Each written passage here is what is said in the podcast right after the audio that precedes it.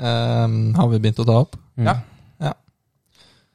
Velkommen til, eh, til denne ukens uh, podkast. Um, Podkasten er litt, uh, litt mer uh, seriøs enn det vanlige podkast i Abokus er.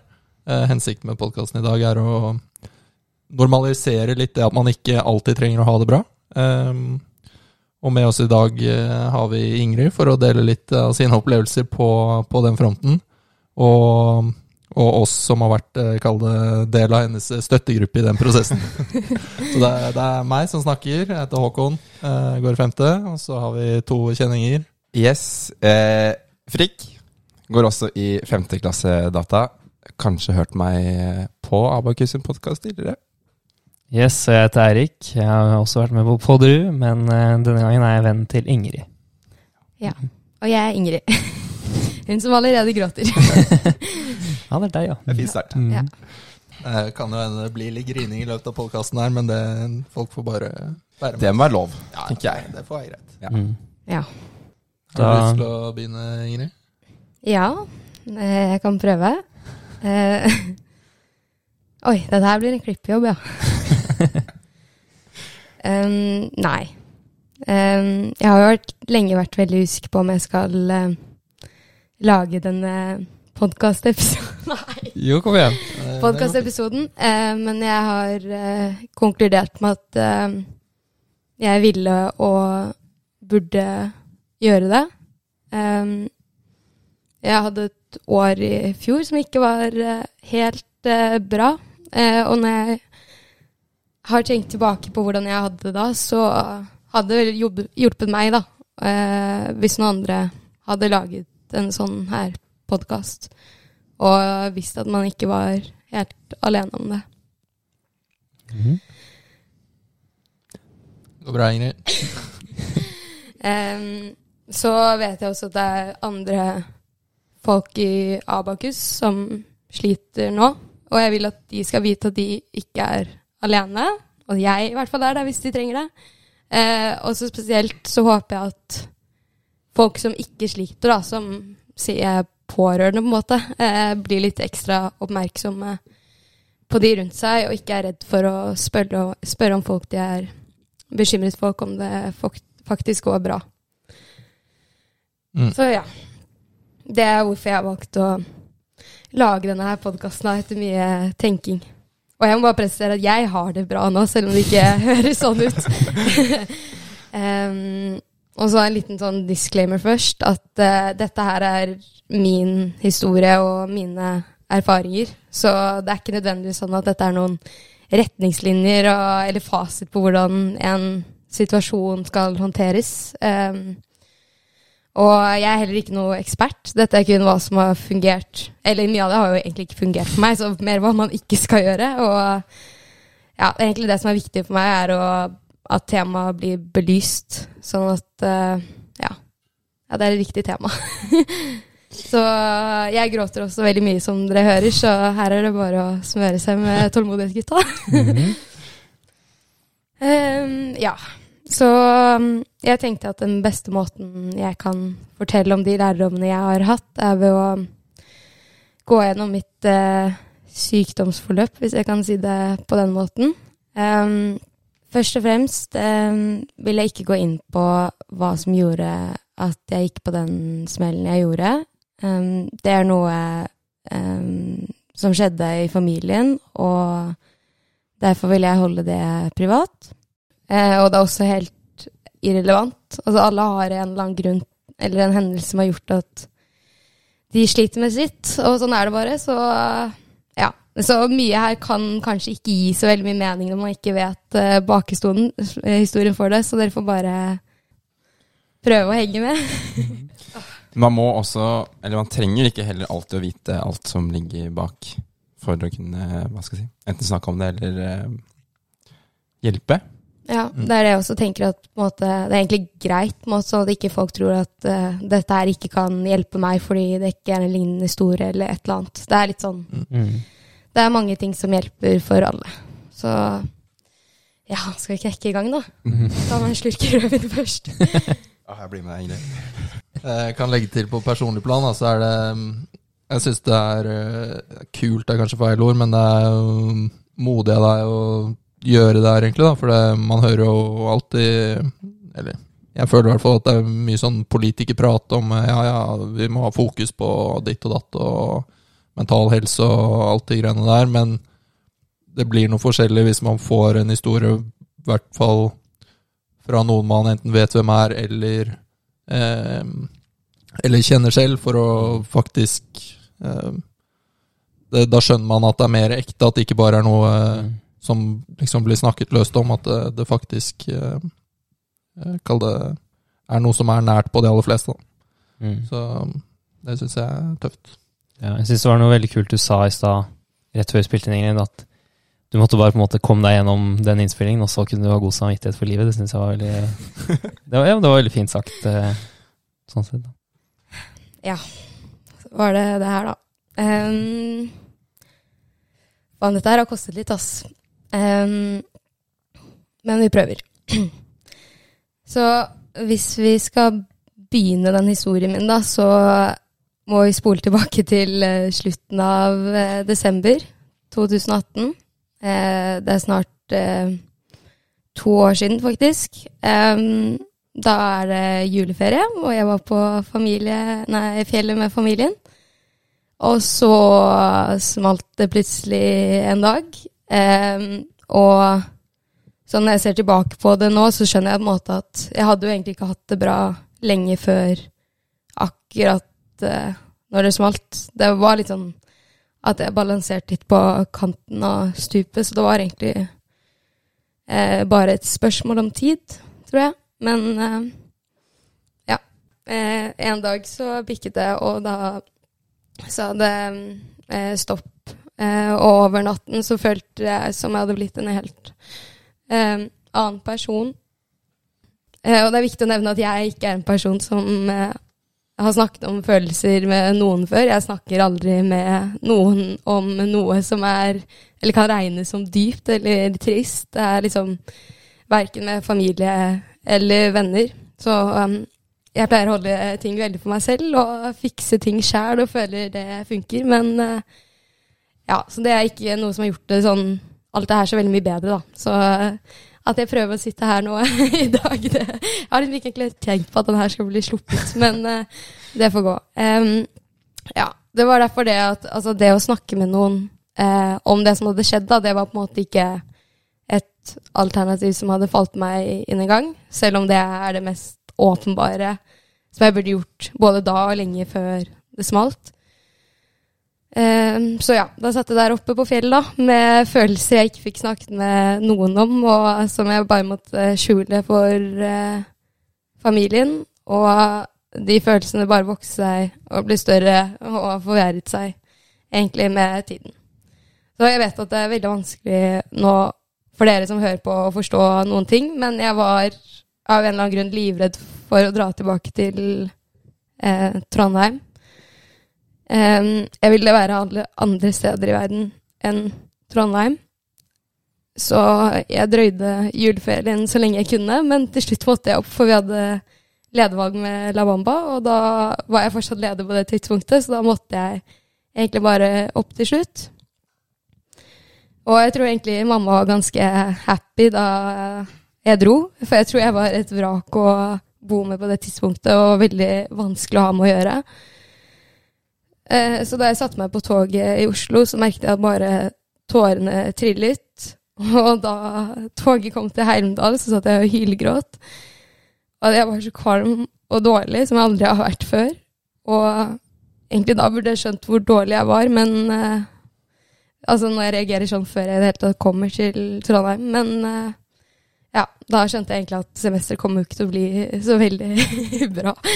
Eh, men ja. Det var egentlig ikke så mye som skjedde på Wall i fjor, egentlig. Jeg tok eh, hver mulighet jeg fikk til å ikke være i Trondheim. Og det var på en måte to steder hvor jeg hadde verst, og det var når jeg var hjemme her i Trondheim eh, og på skolen. Eh, og når jeg var hjemme alene så, og ikke ble distrahert av noen, da lot jeg Da kunne liksom tankene løpe løs, løpsk og ta helt overhånd. Eh, spesielt før jeg kunne legge meg og, på morgenen.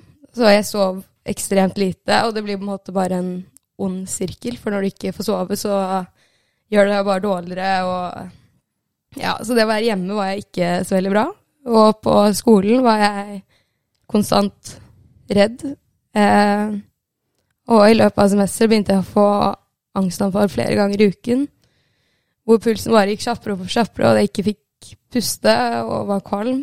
Og det gikk greit, måte. Jeg klarte å kontrollere det helt fram til eh, eh, ekskursjonen, i hvert fall. Vi skulle jo på det.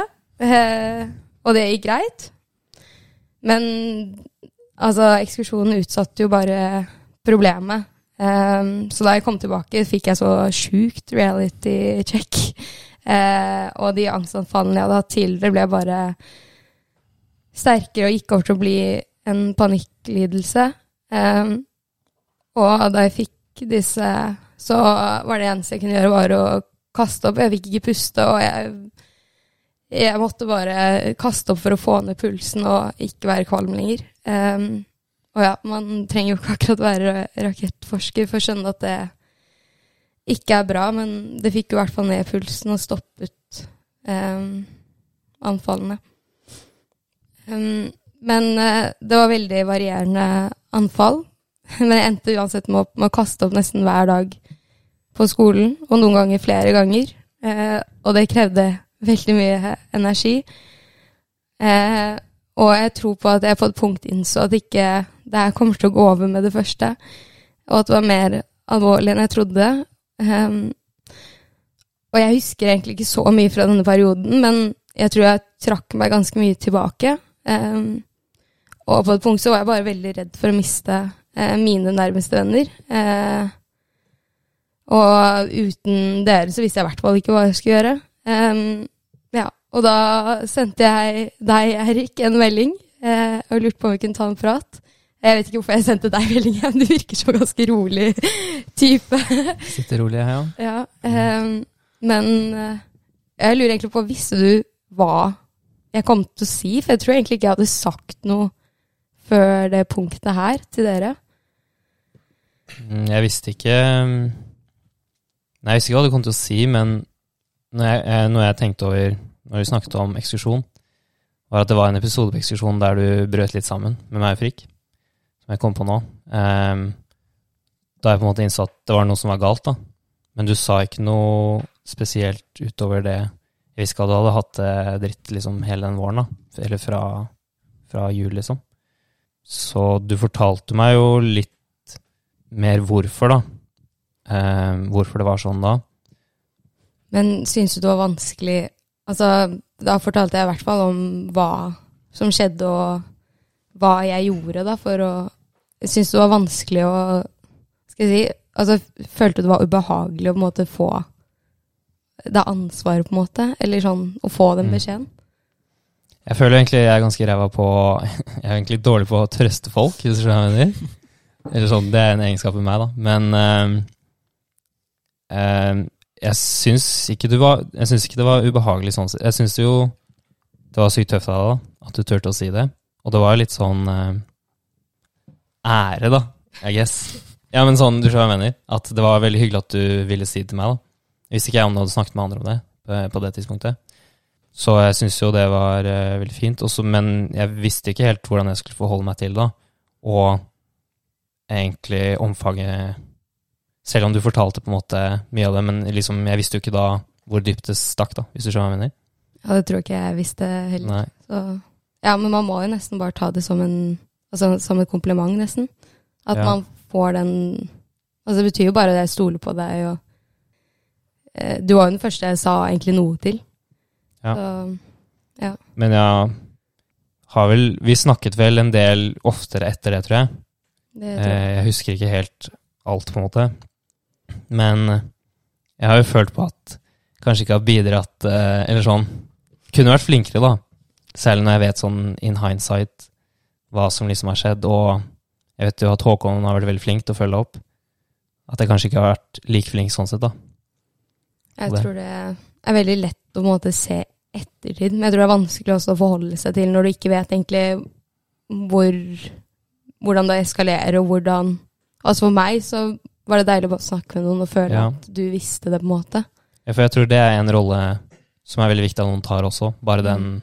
en du kan klage litt til, da, hvis du skjønner hva jeg mener. Ja. Uten at Man vil jeg, ikke hele tiden ja, snakke om det heller, uten at jeg helt vet hva, hva jeg skal svare tilbake, sånn sett. Men eh, at, at man har en man man deler den hemmeligheten med, da, kanskje. I don't know. Som du faktisk kan bare si noe til. Ja, men jeg tror i hvert fall på det tidspunktet, så Det var jo eksamensperiode, så var deilig på en måte bare vite at én visste hvorfor jeg sitter her og har knekken mens jeg leser uh, tech-led, liksom. Ja. Men eh, ja, min depresjon, eller min sykdom, var i hvert fall ikke knyttet til skolearbeid, da. Ehm, for det er jo mange som føler på det, at det er det som gjør at de sliter og føler de ikke lykkes og sånne ting. Eh, men det var det i hvert fall ikke for meg, da. Så jeg var vant til å konte, og det er det som har fungert for meg. Og jeg vil heller legge inn ekstra arbeid i verv og ta en taktisk kont, da. Så det, jeg har aldri vært noe sånn stressa på skole, men den eksamensperioden der var ganske annerledes.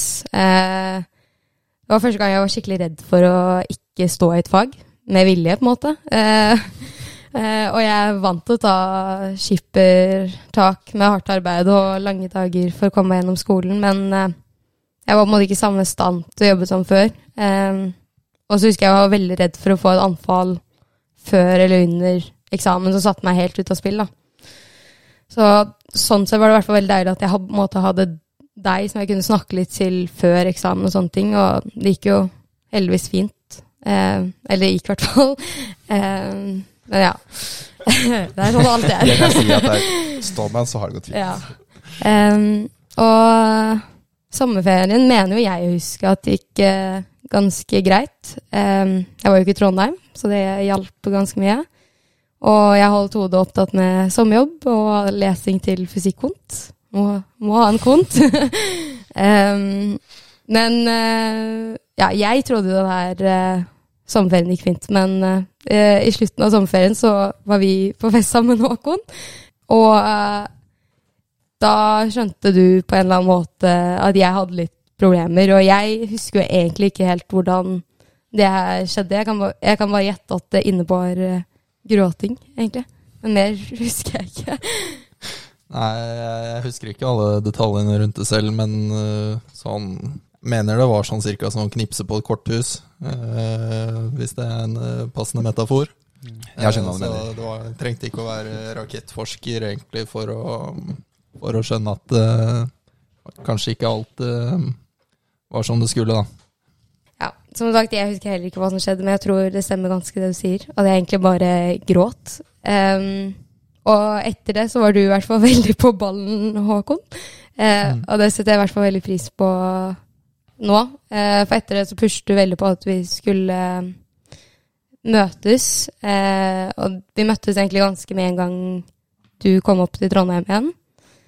Eh, og jeg følte meg litt sånn ambivalent med at vi skulle møtes, fordi på en måte var det deilig å si det til en til. For jeg hadde ikke sagt noe flere enn Eirik på det tidspunktet. Eh, men samtidig så visste jeg at du ville være ganske streng og klar på hva jeg måtte gjøre, og at det ikke skulle være noe bullshit eller gå i grøten. Da. Så um, vi møttes um, en kveld på festningen i slutten av august en gang.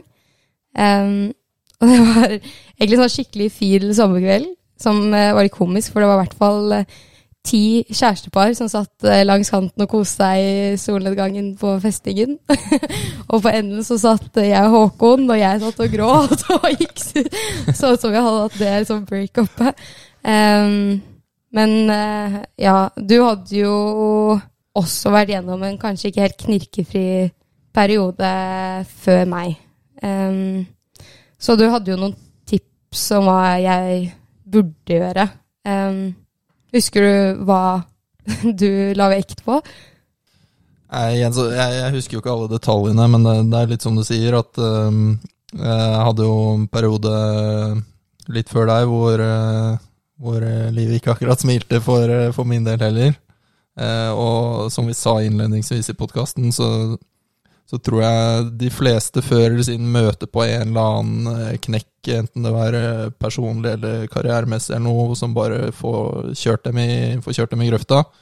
Og egentlig uavhengig av hva som er den utløsende faktoren, så tror jeg Altså, jeg tror det er måten å håndtere det på kan være ganske altså det, er, det er mange Eller overføringsverdien er stor, da, uavhengig av hva, hva slags eh, problem det var opprinnelig. Eh, Så, så det, mm, det jeg sa til deg, var jo i stor grad det jeg hadde Det jeg hadde liksom fokusert på selv for å, for å prøve å få eh, livet til å ikke suge lenger. Eh, sånn for, for min del så, så var en stor del av det å snakke med folk, og da var jo du på, du var jo på rett vei sånn sett. eh, sånn sett allerede, i og med at du hadde sagt det til Eirik og, og sagt, det til, eh, sagt det til meg. Altså, min erfaring i hvert fall er at det dummeste man gjør, er å sitte og bare gå med de tankene selv. For det, jeg, har i hvert fall ikke hørt om noen som har kommet, kommet godt ut av det. Bare sitte og la liksom tankekverna gå. Og hvis den spiralen er negativ, så, så er det mm, Ja. Det, det eneste du gjør, er å eh, trekke deg selv lenger ned, da. Og det er ingen som er tjent med, verken deg selv eller, eller de rundt deg. Eh, så jeg mener jeg var ganske eh, ganske på det, at du skulle snakke med både meg og med, med andre. Eh, familien. Du, du sa jo det med at eh, det hadde liksom ikke vært eh, Det var ikke det som var samtaleemnet ved familiemiddagene tidligere. Det var liksom uh, hvor bra familien hadde gjort det på, på ski, eller liksom Kall det mer overfladiske ting, da. Uh, og selvfølgelig, stort sett så er det jo så er det jo liksom sånne ting man snakker om, og det er helt normalt. Men, uh, men av og til så, så har man enten selv eller andre behov for at den samtalen er litt, litt dypere. Da. Og bare det å få, få lufte ting, eh, sånn som du eh, for så vidt gjør nå, og gjorde da, eh, mener jeg i hvert fall er et stort steg i riktig retning, da, bare for å sortere tankene og få litt input fra andre enn sin egen negative hjerne. For der får du egentlig ikke så veldig mye bra. Nei, der får du bare dritt. Resirkulert gang Ja. etter gang. Jeg husker i hvert fall at du sa veldig klart at jeg måtte snakke med mamma og pappa og gå til psykolog. Det var liksom det oppsummerte, som som var det egentlig viktigste jeg skulle snakke med. Eh, For jeg tror du skjønte litt at det var eh, litt mer alvorlig enn det jeg skjønte, egentlig. Eh, Men ja. Jeg gjorde da ingen av delene. eh, For det virket helt utenkelig for meg. Jeg er jo som sagt ikke noen som snakker med noen. Så. Der er du jo ikke veldig alene, tror jeg. Nei, jeg tror det- veldig mange vil sitte i den samme, hva si, samme tankegangen om at psykolog det er i hvert fall ikke noe jeg trenger. Og kanskje særlig den at man, man klarer å anbefale andre folk å gjøre det, men når det gjelder seg selv, så gjør man det kanskje ikke. Nei. Um, ja, og det er jo Jeg burde jo gjort alt det her. Kanskje ikke hadde kommet til det punktet jeg gjorde, men uh, det gjorde jeg da ikke. Så um, etter det, dette gikk det så egentlig bare veldig mye dårligere, og så gikk det veldig fort veldig mye dårligere. Ehm, jeg var jo i Trondheim igjen, da, og det var jo ikke helt um, heldig. Og eh, kalenderen min var fullere enn noen gang har vært, og den har vært full før, men eh, jeg tror det var veldig forsvarsmekanisme, siden jeg visste at med en gang jeg var alene og ikke hadde noe å gjøre, så gikk det egentlig til helvete. Så um, når jeg først var alene, da, eh, så knakk jeg helt sammen. Jeg sov nesten ingenting. Jeg spiste lite. Em, jeg fikk hyppigere og hyppigere angstanfall på skolen. Um, så da jeg skulle til Oslo en tur på høsten, så sa du, Håkon, at jeg skulle love å si noe til mamma mens jeg var hjemme. Eh, og at jeg skulle spørre henne om hun kunne betale for eh, psykologtimer. For det er jo en case, da. Altså, du kan jo dra til sitt, selvfølgelig, og det er eh, Jeg vet ikke om det er gratis eller om det bare er veldig mye billigere, men eh, da er det en ventetid da, på kanskje et halvt år. Jeg vet ikke. Jeg sjekket det ikke opp engang. Eh, og som student så kan du ikke gå til psykolog en gang i uken og betale over 1000 kroner. Så her måtte det en annen lommebok til for at det her skulle gå. Um, så jeg er på en måte nesten glad det var sånn, sånn at jeg måtte i hvert fall si noe til mamma. Um, men uh, jeg igjen, da, som uh, ikke er så glad i å snakke om ting til folk, jeg drøyde den så lenge jeg kunne mens jeg var hjemme med å si noe. Ja, jeg hadde jo lovet at jeg skulle snakke med mamma, eh, så da hun kjørte meg ned til eh, togstasjonen eh, hjemmefra, som er en tur på ca. 15 minutter, da, da, valgte jeg å slippe den nyheten, da. Eh, men jeg sa det mens jeg var hjemme, da. Det gjorde jeg. Eh, men jeg sa jo eh, Perfekt tidspunkt. ja. det er jo jævlig greit, da. Da slipper du å få oppfølgingsspørsmål. Men ja, jeg sa egentlig veldig lite da om hva som hadde skjedd. Jeg gråt jo mest Eller Jeg gråt nesten egentlig bare hele bilturen. Og så, da vi parkerte bilen, og det var 10-50 minutter til toget kom, da sa jeg at det hadde skjedd noe som gjør at jeg trengte profesjonell hjelp. Eh, siden jeg hadde prøvd å bli bedre selv, men jeg klarte ikke. Og det var egentlig det eneste mamma fikk eh, høre. Men eh, hun støttet meg jo selvfølgelig på det, og hun skjønte jo at det var noe gærent. Det tror jeg hun hadde egentlig skjønt eh, ganske lenge. Um, så ja. Men eh, da fikk jeg i hvert fall muligheten til å dra til eh, psykolog, da. Um, så da jeg kom tilbake til Trondheim, så begynte jeg å søke på psykolog, og jeg ville finne en som passet meg veldig bra når jeg først skulle finne en jeg skulle lange ut om livet mitt uh, til. Um, og jeg søkte rundt, og det var veldig mye sånn veldig svevende damer, uh, terapeutgreier som jeg bare Jeg kunne ikke se for meg jeg kunne snakke ut om dette her til dem. Da. Det er sånn um, For veldig mange av de trodde at det var liksom Eller skulle begynne å dra inn at det er noe mellom himmel og jord og grunn til alt og sånn, men jeg tror bare det er atmosfære mellom himmel og jord, så det orker jeg faktisk ikke å høre på når jeg prøver å komme med mine problemer. Men jeg fant en som jeg trodde passet bra eh, eh, for meg. Han het Roger. En veldig jovial, eh, typisk trønder. um, så ja. Jeg husker faktisk jeg spurte deg, Håkon, før jeg dro dit. Eller jeg visste liksom ikke helt hvor jeg skulle begynne, for det føltes veldig rart å eh, dra dit og begynne å lage ut. Men eh, du sa egentlig bare Du får bare begynne. Så ja. Jeg hadde første timen min eh, hos psykologen i midten av eh, september, og det var dritvanskelig. Jeg husker spesielt liksom det at det var så rart å åpne meg for en person jeg ikke kjente og eh, ikke visste noe om. da, At han liksom skulle plutselig høre på min historie når jeg bare hadde fortalt det egentlig til Eirik og Håkon. og kan nesten ikke si jeg fortalte det mamma, hun visste bare noe, at noe var gærent. Og så husker jeg kjente veldig på det at eh, jeg var redd for at min historie og min på en måte, grunn da det jeg hadde som det var, ikke var god nok. da. At jeg var redd at liksom, han skulle være litt sånn herregud, dette er jo ingenting. altså Bare skjerp deg, på en måte. Um, så jeg tror også det er noe som gjør at jeg ventet ganske lenge med å fortelle ting. For jeg følte på en måte ikke Jeg fortjente da nesten å uh, kunne få medfølelse for det som hadde skjedd, og hvordan jeg hadde. Jeg følte jeg liksom måtte ha noe mer. Men uh, det viste at jeg ikke trengte. Jeg, jeg og Roger var en kjempegod uh, match, og, hvis man kan kalle det det. og på første time så hadde han smågodt i det rommet vi satt på.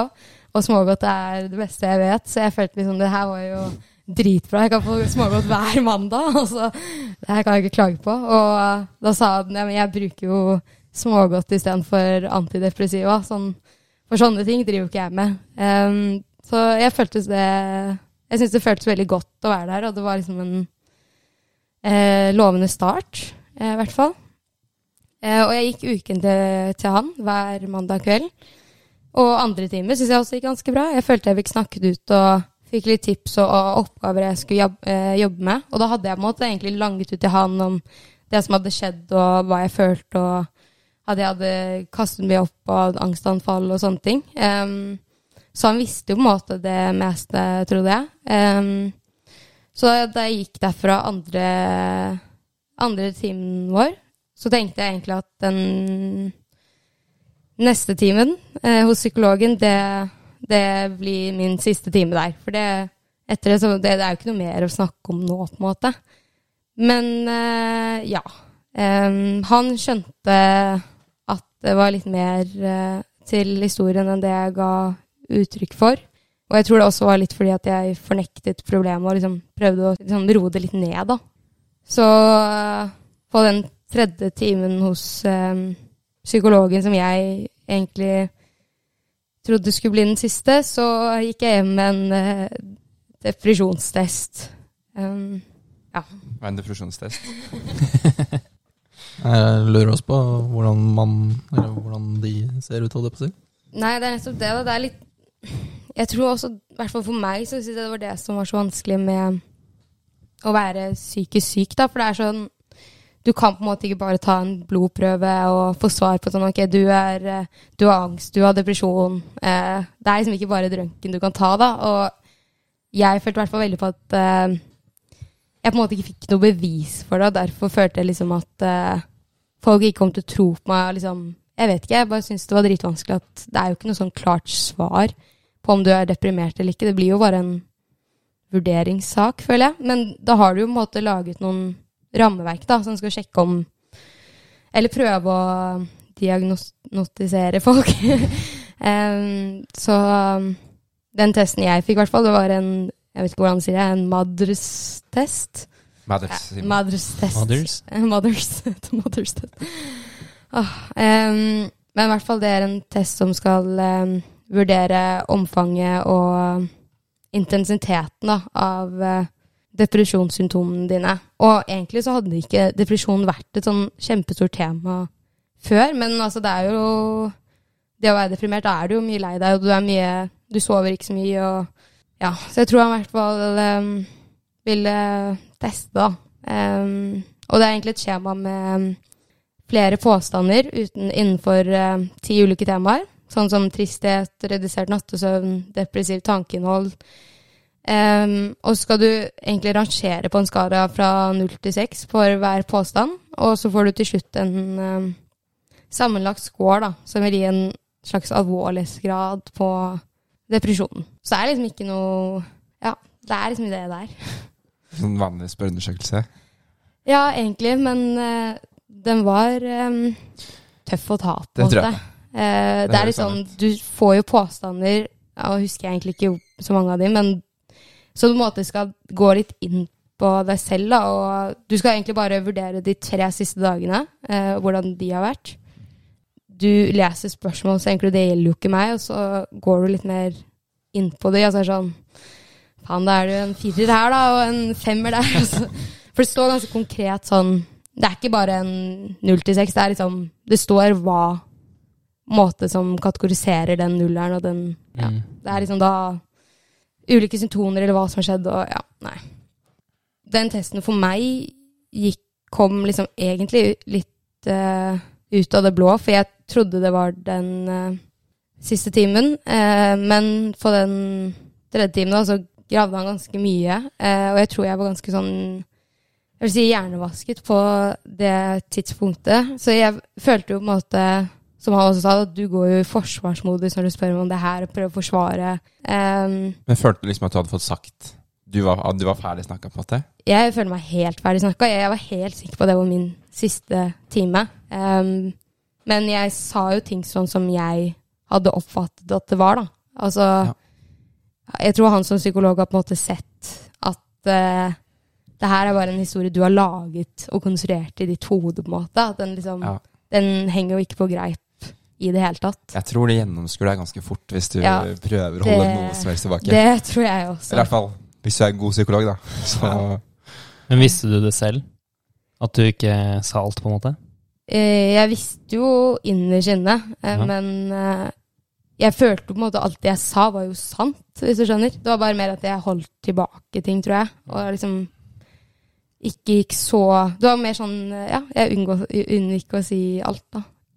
Så jeg prøvde nok å dempe omfanget av problemene litt. Um, men ja, han skjønte at uh, det var litt mer til saken, og at jeg ikke alltid sa sannheten, da.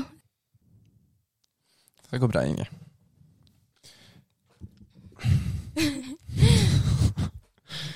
Liten gråtpause. Um, altså det som er denne historien, blir jo bare verre og verre. Så det er sånn, kommer første, første knekk. Men um, det var egentlig først når han begynte å spørre om da, den tredje timen, eh, om jeg hadde tenkt på å eh, ta mitt eget liv. Det var da eh, jeg knakk helt sammen. Litt mer enn nå. Eh, og det var da det svarte titt for meg, fordi jeg visste jo at det var noe jeg hadde tenkt mye på. Det ble bare så mye mer reelt når han sa det. Var, det var så åpenbart at det var liksom mm, Det var da, Eller da ble det bare ekte. At nå visste han det, og da ble det på en måte en sannhet eh, for meg også, da. Og det var da etter dette at han ba meg fylle ut dette, denne leksen av det skjemaet eh, om eh, eh, depresjon. Så det gjorde jeg, da. Jeg gikk ganske gråtende hjem fra den eh, timen der. Men eh, neste time, neste mandag, så gikk vi jo gjennom svarene. Eh, og da ga han egentlig bare skjema, og så gjorde han litt eh, kjapp eh, hoderegning. Og da sa han egentlig bare Ja, Ingrid, du er eh, Du har en moderat til alvorlig depresjon. Og i tillegg til den depresjonsscoren som du får på den testen, da, så har de en egen seksjon eh, for eh, suicidalitet, som egentlig går litt utenfor, fordi at eh, litt uavhengig av hva du har svart på um, depresjonen, så kan du fortsatt Ja, hvis du får en høy suicidalitetsscore, da, så um, driter man litt i hva som er på den andre scoren. Da skal du egentlig legges inn. Um, så da sa han også at jeg tangerte det nivået hvor eh, innleggelse skulle vurderes. Så um, da ble det egentlig veldig reelt, altså. Men da var det på en måte ikke bare et problem som jeg trodde jeg hadde. Da hadde jeg det. Um, og ja. Den fjerde timen hvor jeg fikk vite her, da endte jeg opp med en um, resept på antidepressiva. Det han hadde sagt første timen, at det, det driver han ikke med. Her er det bare smågodt. Um, men ja, det var egentlig en uh, knekk for meg. Men um, det med antidepressiva, altså det kalles egentlig på folkemunne lykkepiller, og det kan man ikke akkurat si at det er, for det de gir egentlig ikke noe lykke. Det skal jo på en måte prøve å gjøre at du eh, omtrent uh, ikke tar ditt eget uh, liv. Um, og det jeg har fått fortalt av han, da Nå har jeg ikke gjort noe research på det her, men uh, han sa liksom at det var to hovedtyper antidepressiva som de gir. Um, og den første er den som gir deg det ekstra giret til å liksom, komme deg ut og våkne, for veldig mange sliter jo med å komme seg ut i verden og egentlig bare er inne for seg selv, da. Um, noe som ikke er bra, og egentlig bare ligger i sengen hele dagen og sover time på time. Um, så det er én for de. Um, men det vanskeligste for meg var jo det å, å sove i det hele tatt. Um, så jeg fikk den typen som gjør deg veldig døsig og søvnig, eh, som du skal ta på kvelden. Og um, jeg hadde jo vanskeligst den tiden fra jeg kom hjem på, fra skolen til jeg dro på skolen. Jeg hadde en snittsøvn på tre til fire timer eh, egentlig hele oktober. Så ja, jeg fikk jo den typen um, som skulle gjøre meg trøtt, da. Uh, og sove igjen om natten. Jeg merket det var uh, Egentlig noe av det verste med det her var når jeg skulle begynne å ta medisinene og liksom Det, det føltes så uvirkelig. Jeg, liksom, jeg var 22 år. Eh, var liksom suicidal og deprimert og jeg skulle begynne å ta antidepressiva, liksom. Det hadde skjedd så fort, bare på egentlig et, et år. Em, så eh, jeg tok den pillen i munnen, og så sovnet jeg omtrent momentant. Jeg sov med klær hele den Altså, jeg bare sovnet rett på sengen og sov ti timer. Eh, og fra å da ha en snittsøvn på tre til fire timer da, til å sove ti timer, da Altså, jeg følte meg helt påkjørt da jeg våknet. Eh, Selv om jeg egentlig aldri hadde sovet så lenge før. Men det var bare så sterkt at jeg, jeg ble helt egentlig overrasket. Og, og da jeg våknet, så var jeg Jeg følte jeg fortsatt var påvirket, da, på en måte. Jeg vet ikke helt hvordan jeg skal si det. Men jeg var jo ubrukelig om morgenen. Ja, det er ganske stor kontrast til hvordan du vanligvis er, da, i og med at du er en som eh, spretter opp klokken seks, og da er det eh, liksom tut og kjør. Eh, Ja, altså, jeg hadde aldri sovet ti timer noen gang i hele mitt liv, uavhengig om at jeg var deprimert eller ikke. Jeg, altså Hele familien vår er sånn som er oppe og våkner, da. og Våkner seks-syv, familiemiddag, nei, familiefrokost halv åtte, og så Ja. Så det var eh, Det var en helt sinnssyk følelse. Em, men da slapp jeg i hvert fall den perioden da, fra jeg skulle legge meg til jeg våknet, som var helt jævlig. Så det var jo nesten eksamensperiode igjen her nå, og vi hadde jo kundestyrt og mye, mye som skjedde da på planen. Så hver gang jeg kom hjem, så tok jeg egentlig medisin med en gang. Så da sovnet jeg jo, og så våkner jeg Eller jeg prøvde i hvert fall å våkne eh, med alarmen. Eh, og dra på skolen, selv om jeg var sløv som faen. Og det kortet i hvert fall ned den perioden jeg var dårlig hjemme. Men en ting med de medisinene er at du får Eller jeg fikk i hvert fall et veldig flatt følelsesliv. Spesielt de gledestoppene. De forsvant helt. Og jeg vet at det ikke har hørt sånn ut mens jeg har snakket her nå, men jeg hadde jo ikke vondt hele tiden. Jeg hadde øyeblikk hvor jeg var glad og smilte. Eh, kunne være på fest og venner, på en måte. Det, det var noen sånne øyeblikk inn der, selv om de var litt korte. Altså, det var jo Jeg hadde La Bamba, jeg hadde backup. Jeg arrangerte uketoget for første gang, og det var jo uka. Det var jo en av de grunnene til jeg ikke ville være på utveksling på høsten. Så jeg hadde noen gledestopper den øh, høsten. Men øh, etter at jeg begynte på den medisinen, så jeg klarte på en måte egentlig ikke å føle på noe som helst, da. Så det var litt rart, um, hele greia. Så jeg hadde jo fortsatt noen ganske sånn dype bunner, eller sånn Jeg hadde fortsatt vondt, men jeg var ikke noe glad lenger. Så alt ble litt flatt når jeg hørte noe som var gøy. Altså, jeg klarte ikke Jeg tror jeg var veldig fjern, egentlig. Og så ville jeg jo fortsatt ikke være i Trondheim i det hele tatt. Eh, det var jo det, det stedet i verden jeg ville være minst, så jeg dro bort de gangene jeg kunne. Jeg dro bl.a. til eh, Milano for å besøke deg, Frikk. Mhm. Jeg dro også til Paris med mamma. Det var veldig rart, for vi bare begge visste jo at det var en eller annen sånn stor elefant i rommet som ingen snakket om. Og jeg gråt jo her og der, liksom. Spesielt når jeg eh, dro hjem igjen, på en måte. For det var den siste turen jeg skulle dra på før eh, Da måtte jeg liksom være i Trondheim på eksamensinnspurten og sånn. Så jeg husker spesielt på um, Når jeg dro hjem fra Paris med mamma, så kom jeg til eh, Gardermoen. Eh, jeg fikk det er en måte det sterkeste egentlig ansalgsfallet jeg noen gang hadde gjort. Så jeg satt på Gardermoen i et lite hjørne, eller egentlig midt i gaten, men inntil veggen, og satt og hylgråt og ristet og lå på gulvet og ikke fikk puste. Og så husker jeg tenke sånn på i ettertid sånn Det var ingen der som kom bort til meg og spurte hvordan det gikk. Så der lå det bare en liten jente og ristet på gulvet omtrent. Um, jeg syns det er så rart da, å tenke på i ettertid at liksom Jeg tror bare nordmenn har en eller annen sånn um, At de liksom ikke skal blande seg bort i ting. Og jeg, jeg har vært helt lik før dette her har skjedd. da, At jeg liksom Ser du noen som gråter, så går du på en måte ikke bort til dem og spør helt random sånn Går det bra? Jeg har i hvert fall aldri tenkt på det, men sånn Etter dette her, da, så har jeg fått et helt annet syn på sånne ting. For jeg i hvert fall når det er liksom Altså, jeg, jeg så jo ikke akkurat gammel ut, det tror jeg ikke gjør ennå. Men at ingen liksom kommer bort til meg og liksom prøver å hjelpe engang, det Men det syns jeg er litt overraskende, egentlig. Jeg føler at Eller folk er ikke dritflinke, men hvis det er så, skal jeg si, som du beskrev nå, da. Ganske tydelig ja. at her er det et eller annet greier. Syns det er litt, ja. Men jeg tror liksom du må være litt heldig, nesten. At du har noen rundt deg da. Men eh, ja, da måtte jeg tilbake i Trondheim igjen, da.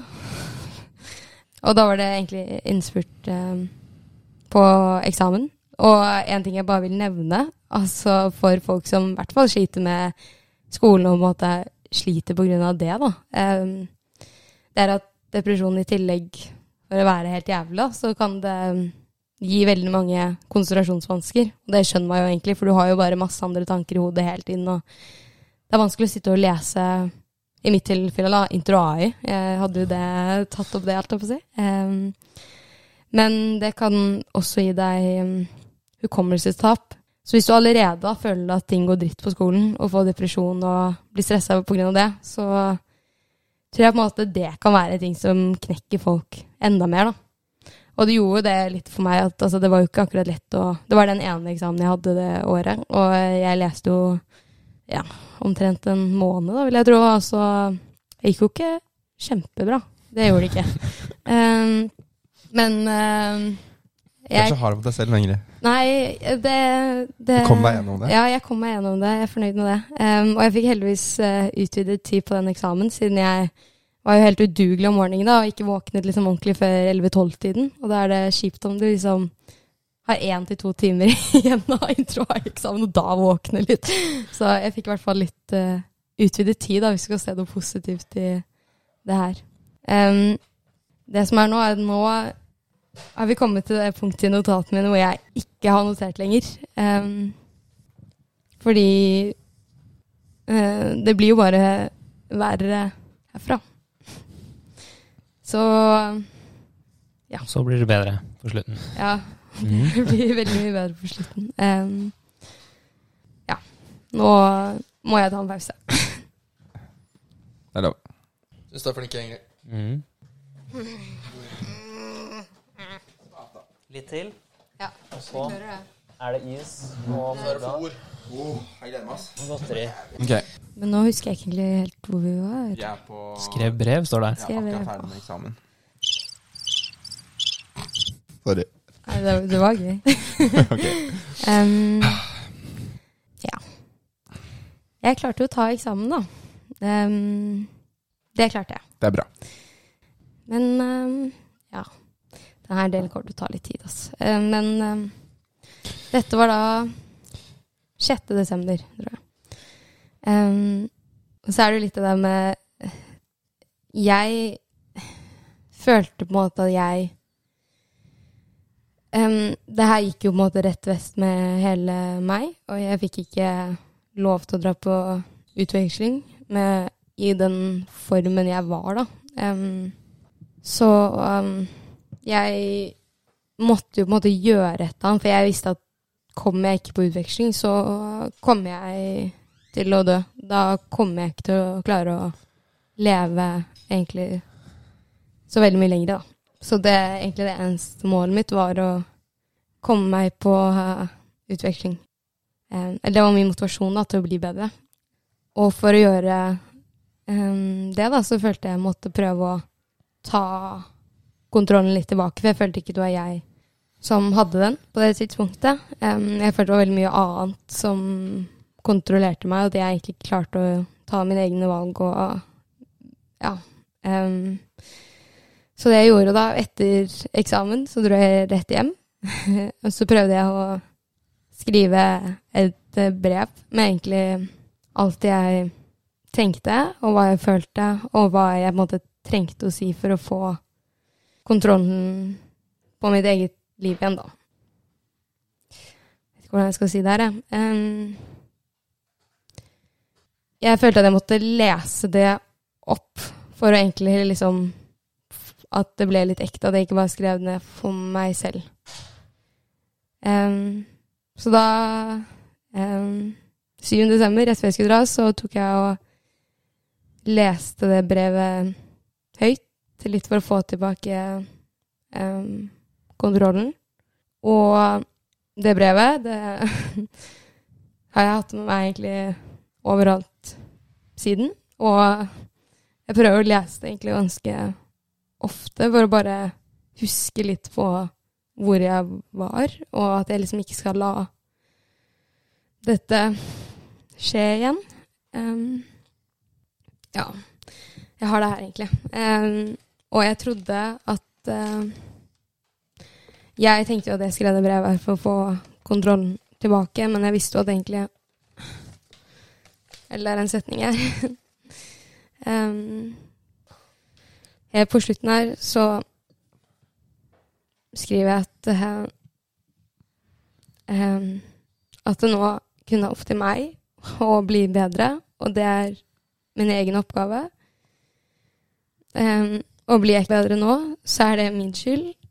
Og blir jeg dårligere nå, så er det også eh, min skyld. Og altså, jeg tror på en måte den egentlige grunnen til at jeg skrev det brevet her og leste opp, var fordi at jeg visste at det var egentlig en ganske stor sjanse for at, at jeg ikke kommer til å overleve den vinteren. Um, så jeg vil på en måte skrive det, så hvis noen fant det, så måte var det ingen som hadde dårlig samvittighet for det. For da var det på en måte Da hadde jeg sagt at nå er det min skyld hvis det går Hvis det går dårlig. Um, så jeg fikk i hvert fall skrevet det brevet og sagt det. Og så fikk jeg dratt på fjellet, og jeg husker jeg følte at det var veldig deilig å si det. Og jeg trodde liksom Jeg fikk sånn umiddelbar reaksjon på at det her var det jeg trengte. Nå er jo omtrent frisk igjen. Men uh. Eh, det, det, det var en kortvarig glede. Um, så jeg dro på fjellet i, i juleferien, og var der egentlig med familien. Um, jeg husker egentlig veldig lite fra den tiden. Um, men eh, der bikka det veldig, da. Eh, det var ikke noe utløsende årsak, tror jeg, bare at jeg hadde meg med mitt eget hode og um, Ja. Um, jeg vet ikke, jeg bare følte at um, på et punkt så gikk det ikke helt uh, lenger. og jeg syns veldig synd på deg, Håkon, fordi den første gangen jeg skulle prøve å ta ta selvmord, så da valgte jeg å sende snap. ja, da valgte jeg å sende en snap til Håkon. Eh, Så det var min måte, da. Det var ikke noen Mental Helse sin til hjelpetelefon. Det var eh, Håkon Collett, eller Colletti på Snap, som ble eh, min eh, eh, Min siste beskjed, da. Så da Jeg tror ikke jeg husker helt hva, som, hva jeg skrev, men jeg tror det var et eller annet Nå Nå Nå går det ikke mer. Nå klarer jeg ikke mer, og takk for alt du har gjort, på en måte. Um, ja. Og heldigvis var du våken da. Jeg husker egentlig ikke når på døgnet det her var engang, jeg. Men um, det som er litt gøy, da, hvis man skal se, på det, se tilbake på det, er at eh, Håkon heldigvis er eh, våken og åpner den snappen. Og at du kanskje skjønte litt at det ikke bare var tull, på en måte. Um, at det var seriøst. Så du skal jo da prøve å ringe pappa. Men det som er, er at pappa sitt nummer det er registrert på Eller pappa sitt navn er registrert på min Lillebroren min sitt nummer. Ehm, så du ringte jo da lillebroren min. Ehm, han har fått ganske mange ufrivillige telefoner fra de som prøver å få tak i pappa, men jeg tror kanskje den her havner ganske høyt opp på den listen. Ehm, men ehm, ja. Så lillebroren min kom inn og stoppet meg. Da tror jeg egentlig jeg bare satt og gråt resten av kvelden eller dagen eller når det her var. Jeg, husker egentlig ingenting. Um, så vet jeg egentlig ikke hva du sa eller noen ting, men det bare Da satt jeg bare og gråt. Og det var den første bunnen den den, ehm, den julen. Så liksom da for jeg svart på det spørsmålet du stilte i stad, Erik, om mamma og pappa visste, da, da Jeg trengte på en måte ikke si så veldig mye. Um, du bare skjønte det. Ehm, og dagen etter der så var alt det som jeg hadde trengt da, for å ta mitt eget liv, det var uh, gjemt bort. Um, så ja. Um, men uh, Jeg prøvde en gang til. Eh, da sa jeg ikke noe til Håkon, for det hadde ikke funket så bra forrige gang. Um, Jeg syns det funker ganske bra, jeg. ja, man kan i hvert fall se på det nå, at det funket bra. Um, men da um, var det pappa og lillebror som stoppet meg. Ja, jeg vet egentlig ikke hva mer Altså Det var jo Jeg sa det, jeg skrev det brevet, så sto det det at det, den dagen jeg leser det her nå, er det det skal være bunnpunktet i mitt liv, og jeg skal ikke gå noe lenger ned. Um, men det Du kan si det gjorde, da. Men um, jeg vil jo si at det her var det Det, det der er mitt bunnpunkt i mitt liv, og det tror jeg jeg kan si um, for sikkert nå, da. Men, jeg bare syns Det merker jeg på en måte syns det er verst å tenke tilbake på det her, at liksom Det er så rart om liksom jeg skulle vært begravet nå. Om liksom dere skulle gå i min begravelse, og hele familien min og det, det som er. Um, det er jo mange som mener på en måte at det er egoistisk å ta sitt eget liv, men uh, jeg tror på en måte ikke man da skjønner omfanget av måte, hvor jævlig man har det. da. Du har bare vonde følelser hele tiden. Det gjør vondt i hele kroppen, og du klarer ikke å egentlig tenke på noe annet enn enn det, det som gjør deg vondt. da. Det fins liksom ikke noe annet, og eneste måten man kan komme seg ut på det, er liksom da ja, ved å ikke leve lenger. Så den andre gangen jeg prøvde på det, og jeg ble stoppet, så lå jeg bare egentlig i gangen på hytta og hylgråt og hadde det skikkelig vondt. Um, husker jeg mamma tok eh, en hundegodbit og la i hånden min. og så kom hunden min bort og røstet meg. og det var liksom Det var siste gang jeg i hvert fall prøvde å ta selvmord. Og det var deilig måte mamma Det var liksom ikke noe mer spørsmål egentlig om det. Det var lot å bare egentlig gå litt bort av seg selv. Alle skjønte at, måte, at det her var alvorlig, men det er på en måte ikke noe De skjønte at det måte var utenfor deres um, Hva de kunne bidra med å gjøre. Da. Det var bare å være rundt og passe på at jeg ikke gjorde noe dumt, um, hvis man kan si det på den måten. Um, så jeg overlevde faktisk den vinteren også. Så ja.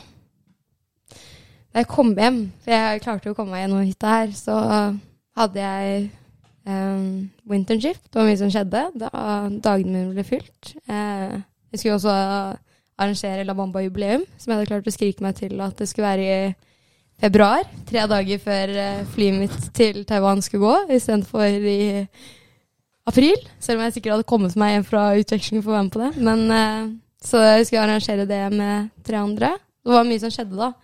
Um, og så var det sånn at jeg tror på en måte om noen hadde snakket med meg på det tidspunktet her, altså sånn um, psykologer eller noe, så hadde jeg jo ikke fått lov til å dra til Taiwan. Det vet jeg jo. Men jeg hadde på en måte min psykolog i Trondheim. Han var jo ikke i Oslo.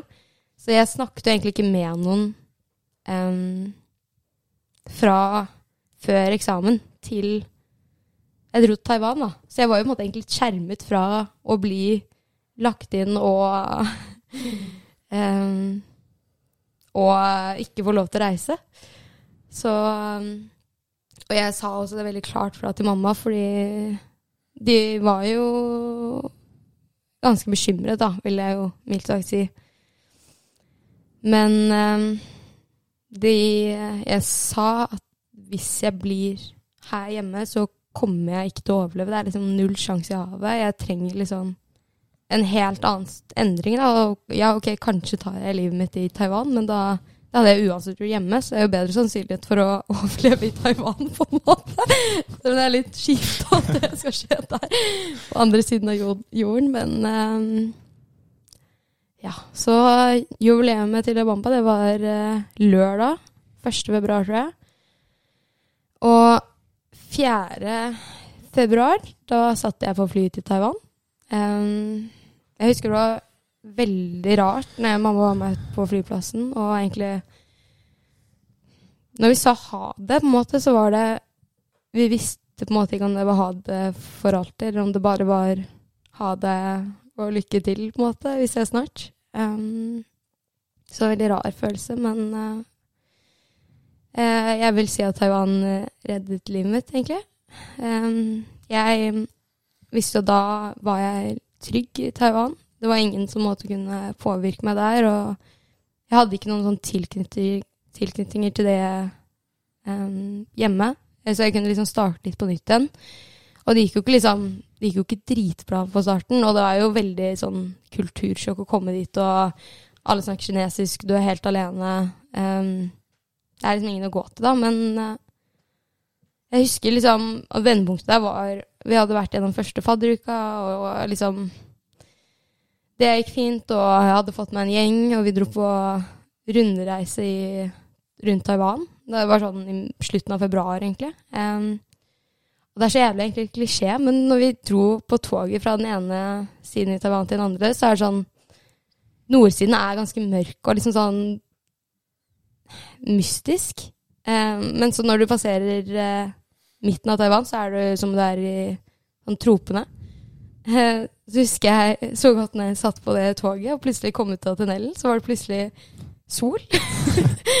og jeg bare Jeg vet ikke, noe ekkoen som bare Nå føler jeg Jeg har aldri følt meg så bra som jeg har følt meg nå før. Jeg følte at det liksom var sånn Nå, nå tror jeg at jeg er frisk, og det er liksom Jeg har det bra. Jeg føler meg i hvert fall trygg igjen på at jeg kommer ikke til å ta selvmord de første de, de kommende dagene nå. Um, så jeg vil si Taiwan reddet meg. Uh, det var bare på slutten egentlig av Taiwan hvor jeg ble litt redd, for jeg gikk jo fortsatt på ganske heavy medisiner. Um, men de påvirket meg jo ikke like mye som forrige gang. Du blir jo vant til det, på en måte. Um, men jeg var redd for at jeg bare levde i en boble. Så jeg husker når jeg, mamma ringte meg sånn to uker før jeg skulle dra, at da knakk jeg helt sammen. Og jeg sa bare at jeg er dritredd for at jeg kommer hjem nå, at alt bare rakner igjen. da. At jeg liksom bare har levd i en boble og tror alt eh, går fint. Um, siden jeg også fortsatt gikk på medisinene. Så da var um, Det knakk en liten periode, men uh, da var det en sånn Nå får vi bare komme hjem og se om det her går fint eller ikke. Og hvis det ikke går fint, så tar vi det um, derfra. Så dro jeg hjem igjen. Um, det gikk ganske fint. Gikk jo fortsatt på medisiner.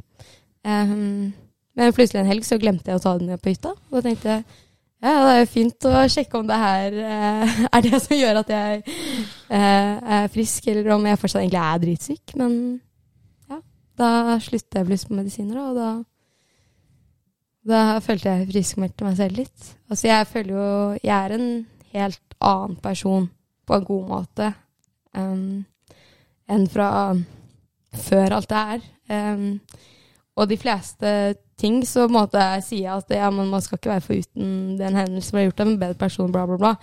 Men akkurat det her tror jeg jeg skulle helst vært foruten. Men uh, samtidig ikke når det gikk som det gikk, da. Det har gått bra, og jeg er en mye sterkere person som aldri kommer til å la meg Eller finne meg noe som ikke er sunt for meg lenger. Og ha litt respekt for meg selv, da.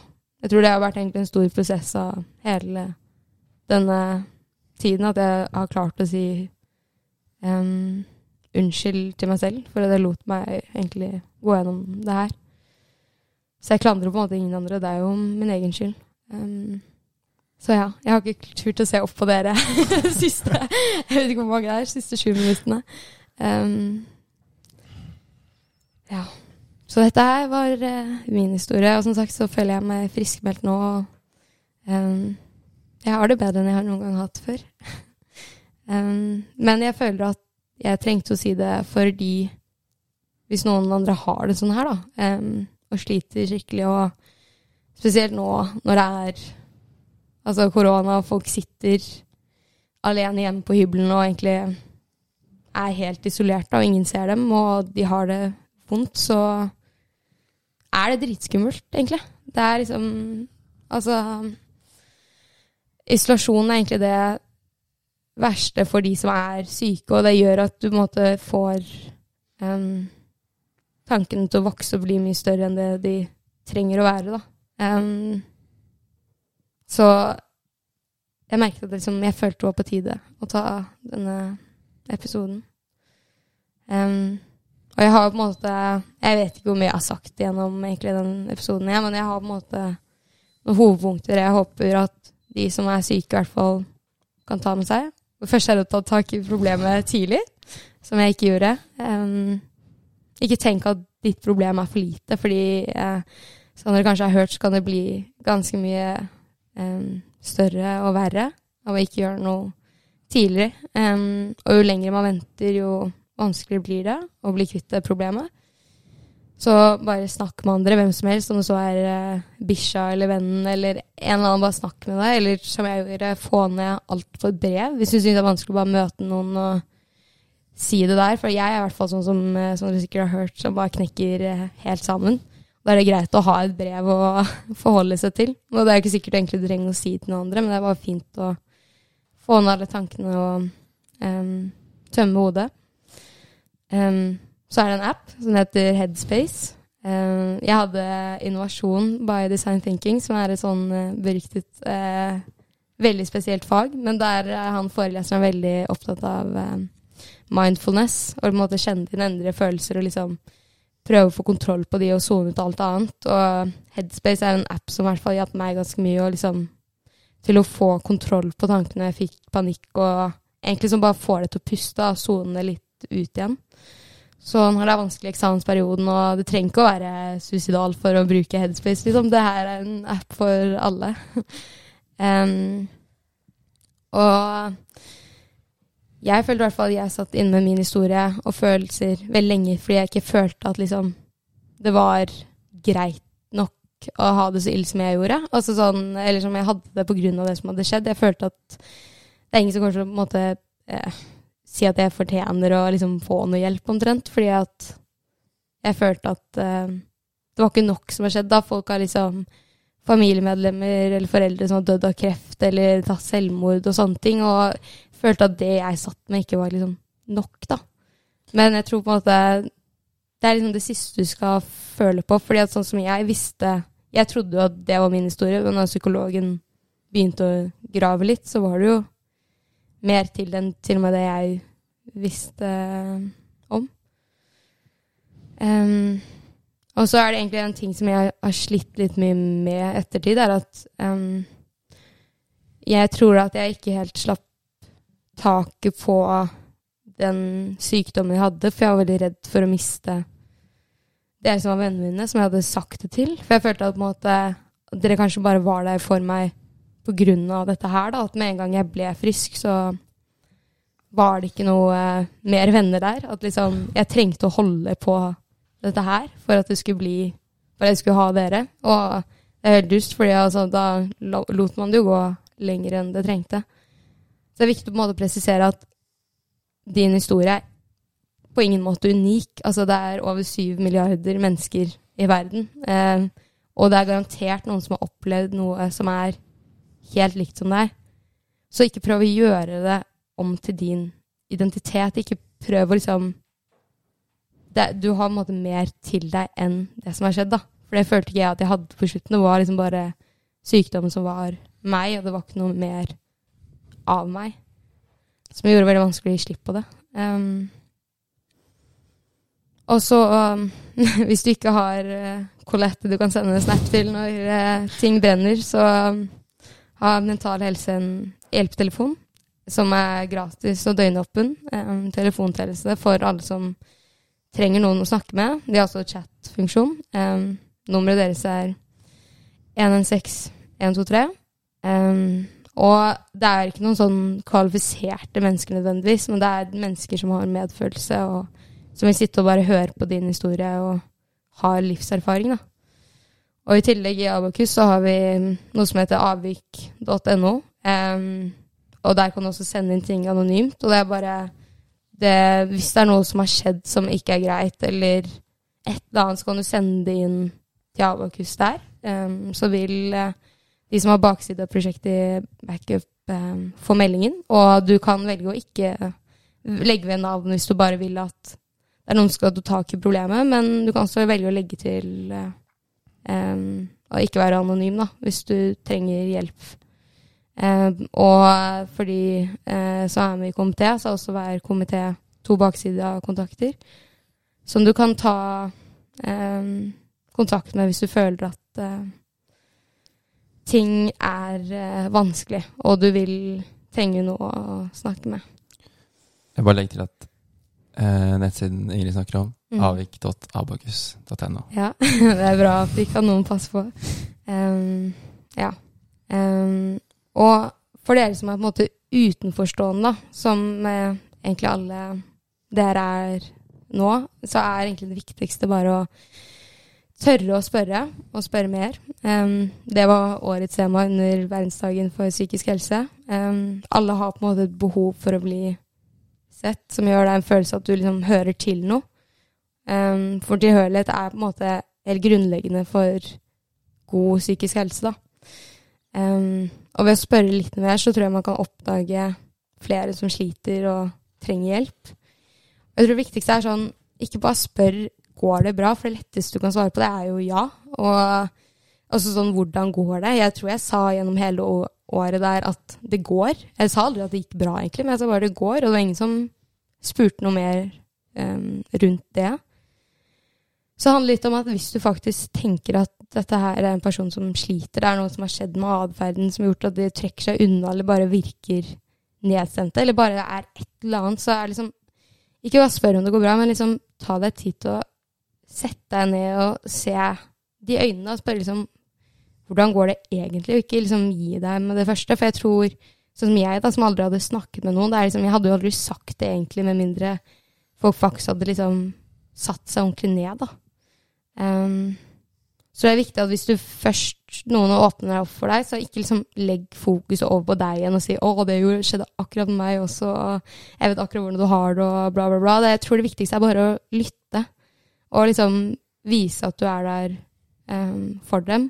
For all del ikke prøv å si mot problemet, sånn som jeg trodde folk ville gjøre med meg. At ja, men, det er jo ingenting å sippe over, på en måte. Bare lytt og vær der.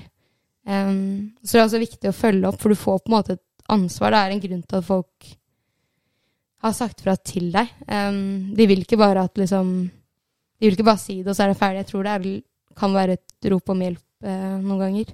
Så liksom, få personen ut av huset. Prøv å liksom trenger ikke alltid å være fokus på at um, alt er dritt, for det tror jeg heller ikke er bra. Men få det ut av huset og gjør noe hyggelig og liksom Ja. Tror du så lenge du gjør det og viser at du er der, så er mye gjort. Um, og hvis det går skikkelig dårlig, og du har egentlig um, fått noen åpne deg for deg, men så har de valgt at det ikke er mulig å leve lenger, så bare ikke klandre deg selv heller. Fordi noen ganger så tror jeg at folk eh, føler at det er mye lettere å bare ikke leve. Men eh, det er en lang vei før du kommer dit, så forhåpentligvis så skjer ikke det med noen. Oi, oi, oi. Nå er jeg sliten. Det skjønner jeg. Men um, ja.